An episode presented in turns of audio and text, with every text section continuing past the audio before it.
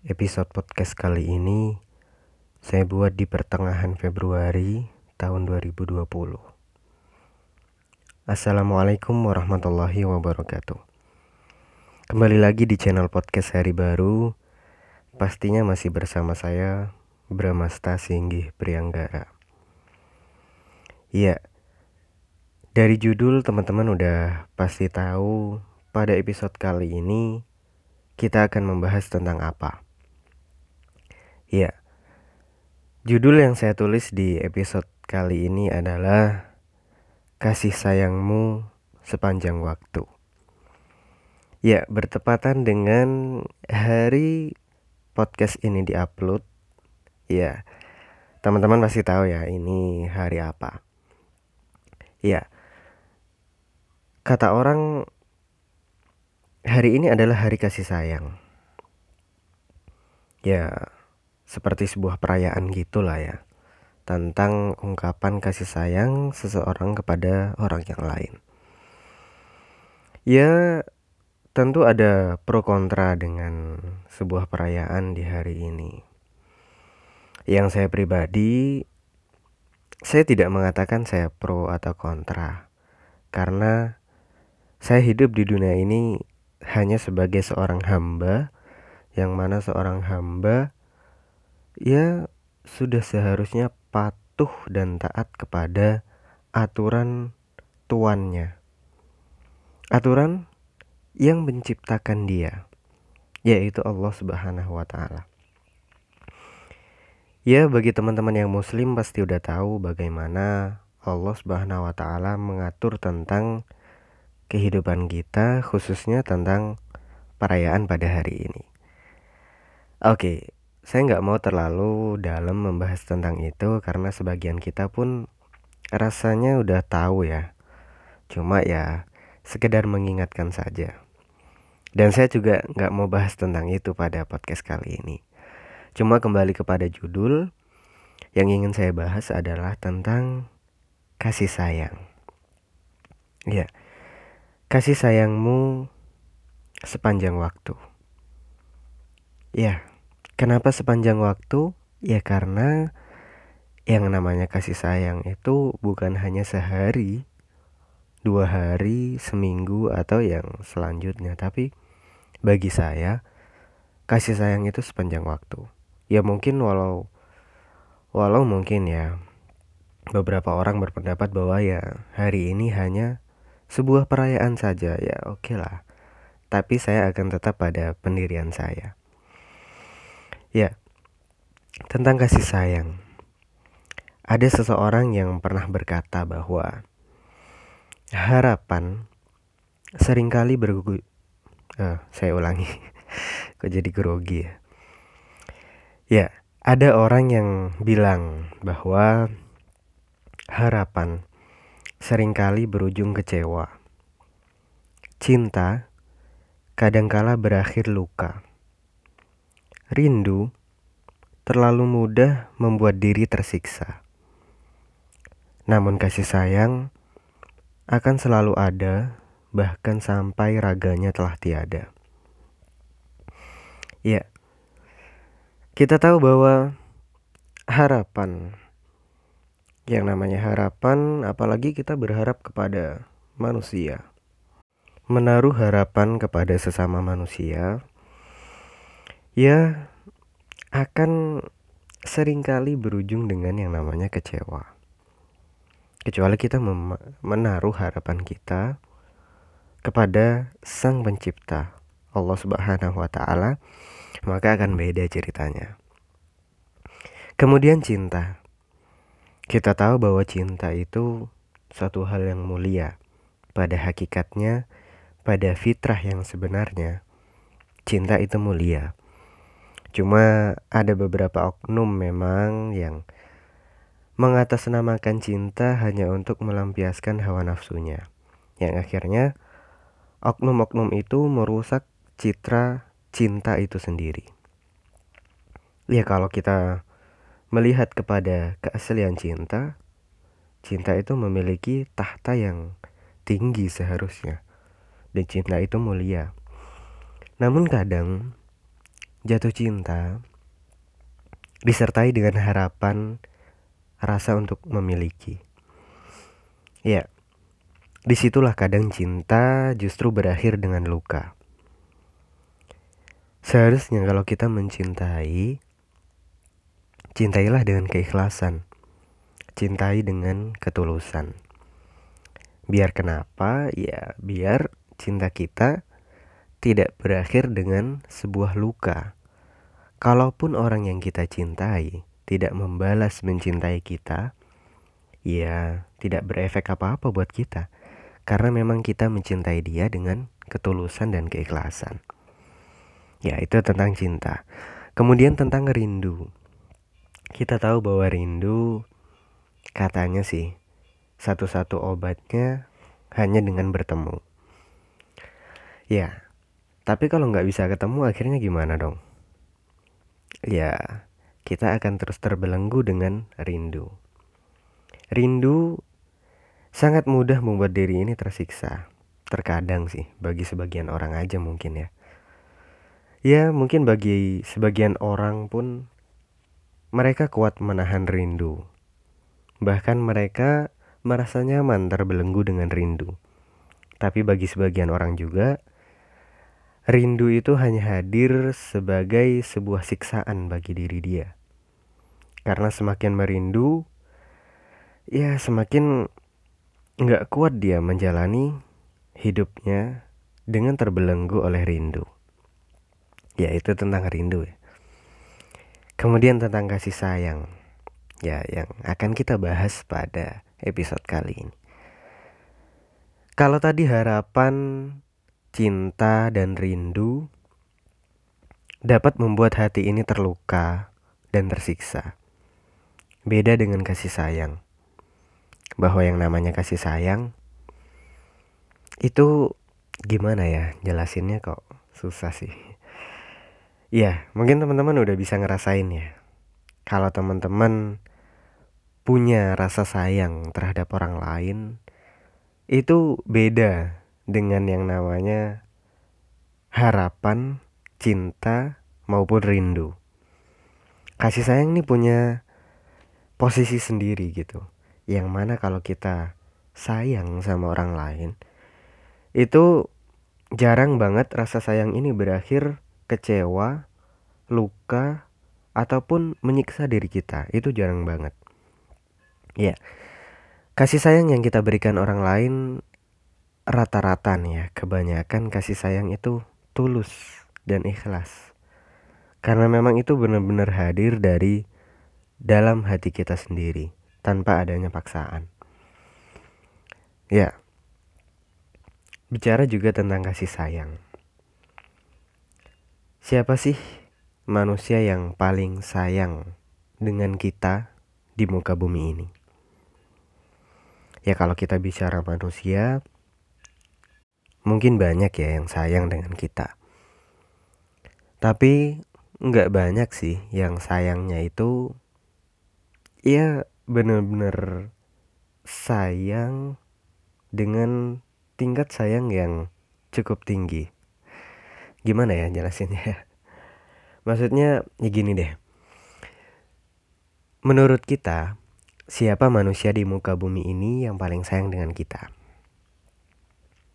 Yaps, pastinya kedua orang tua kita. Gak ada manusia yang lain yang memiliki rasa sayang lebih besar, lebih tinggi daripada rasa sayang kedua orang tua kita terhadap kita. Ya, itu kalau kita bicara manusia ya. Tapi sering kali kalau kita lihat di zaman sekarang ini, kalau mungkin di zaman dahulu ya, kita bisa mengatakan semua orang tua pasti memiliki rasa sayang terhadap anak-anaknya. Pasti. Tapi kalau kita lihat di zaman sekarang, di zaman yang udah ya bisa dikatakan lebih parah dari zaman jahiliyah dulu. Kalau di zaman jahiliyah, ya kita tahu kebodohan mereka memang karena ketidaktahuan ilmu belum sampai kepada mereka. Tapi kalau di zaman sekarang, kebodohan yang ada di zaman sekarang bukan karena ilmu yang tidak sampai, tapi karena kesombongan mereka menolak ilmu yang datang kepada mereka. Akhirnya, ya jadilah zaman jahiliyah seperti sekarang. Kalau kita lihat di zaman sekarang, ada bahkan banyak orang tua yang tidak sayang terhadap anaknya. Kita lihat beberapa kasus, beberapa peristiwa yang diberitakan di bahkan di televisi nasional di Indonesia. Orang tua membuang bayinya. Orang tua menelantarkan anak-anaknya, bahkan ada yang tega membunuh anak kandungnya sendiri. Bahkan yang lebih bejat dari membunuh adalah menyetubuhi anak kandungnya sendiri. Na'udzubillahi min dalik. Ini udah zaman yang bisa dikatakan parah banget sih. Sampai-sampai orang tua melakukan satu hal yang hewan pun nggak akan melakukan itu terhadap anaknya. Tapi itu dilakukan oleh manusia. Iya, itu karena udah ya mungkin itu hanya oknum orang tua yang sudah nggak beres akalnya gitu ya. Tapi kalau orang tua yang normal, saya yakin rasa kasih sayang mereka terhadap anaknya masih sangat besar. Bahkan ya ya sangat besar gitu. Tapi kalau kita bicara yang lain, itu kasih sayang manusia ya.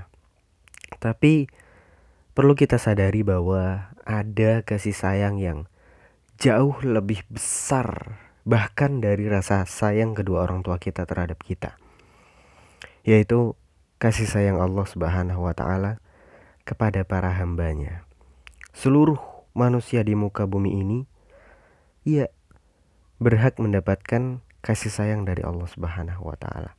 Dan itu memang rahmat Allah yang tidak ada siapa pun makhluk di muka bumi ini yang dapat menandinginya. Kalau kita mengenal Allah lebih jauh lagi ya, lebih dalam lagi tentang Siapa Allah? Siapakah pencipta kita ini sebenarnya? Bagaimana kuasa Allah mengatur seluruh alam semesta? Bagaimana kasih sayang Allah terhadap kita seluruh manusia? Itu kalau kita benar-benar mendalaminya, kita akan tahu betapa besar dan betapa nggak ada yang benar-benar bisa menandingi kasih sayang Allah kepada kita. Ya, beberapa perkataan ulama saya sempat mendengar bahwa ada seorang ulama yang berkata kullu yuriduka lahu illallah fa innama yuriduka laka yang artinya adalah semua orang di muka bumi ini yang menginginkan kamu mereka menginginkan kamu hanya untuk kepentingan mereka sendiri kecuali Allah. Karena sesungguhnya Allah ketika menginginkan kamu, keinginan Allah terhadap kamu tidak lain hanyalah untuk kepentingan kamu sendiri. Ya, masya Allah. Dari sini kita akan tahu bahwa semua aturan yang Allah berikan kepada kita melalui syariat-syariatnya itu tidak lain dan tidak bukan adalah bentuk kasih sayang Allah kepada kita. Kalaulah Allah mengharamkan sesuatu, Allah melarang sesuatu dikerjakan oleh para hambanya, itu bukan karena Allah benci, bahkan karena Allah sayang terhadap kita, makanya Allah kasih aturan itu biar kita nggak ngelakuinnya. Kalau Allah, Allah tidak sayang kepada kita, pasti Allah tidak akan melarang kita berbuat sesuatu. Allah akan membiarkan kita berbuat apa saja sesuka kita. Itu kalau Allah tidak sayang terhadap kita. Tapi karena Allah memiliki kasih sayang yang begitu luar biasa terhadap para hambanya, di situlah Allah mengatur kita agar kita selamat dari hal-hal yang dapat membahayakan kita. Coba deh kalau kita pikir ya. Segala sesuatu yang Allah larang, segala sesuatu di dunia ini yang Allah haramkan, semuanya pasti akan membawa mudorot, atau membawa suatu bahaya bagi diri kita. Coba deh teman-teman pikir sendiri. Teman-teman ambil contoh satu saja sesuatu yang Allah haramkan. Pasti di sana, di balik itu semua, ada sesuatu yang tidak baik bagi diri kita. Tidak mungkin sesuatu yang Allah larang, sesuatu yang Allah haramkan, itu ternyata ada manfaat di balik itu, itu nggak mungkin. Coba deh, teman-teman ambil contoh satu aja. Kemudian teman-teman renungkan sendiri.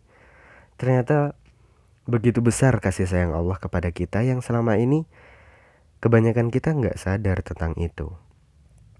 Karena memang ya, jiwa manusia itu selalu mengajak kepada keburukan. Jadi ketika Allah mengatur kita, jiwa kita kadang menolak, memberontak, seolah-olah kita lebih tahu dibanding Allah Subhanahu wa taala. Ya.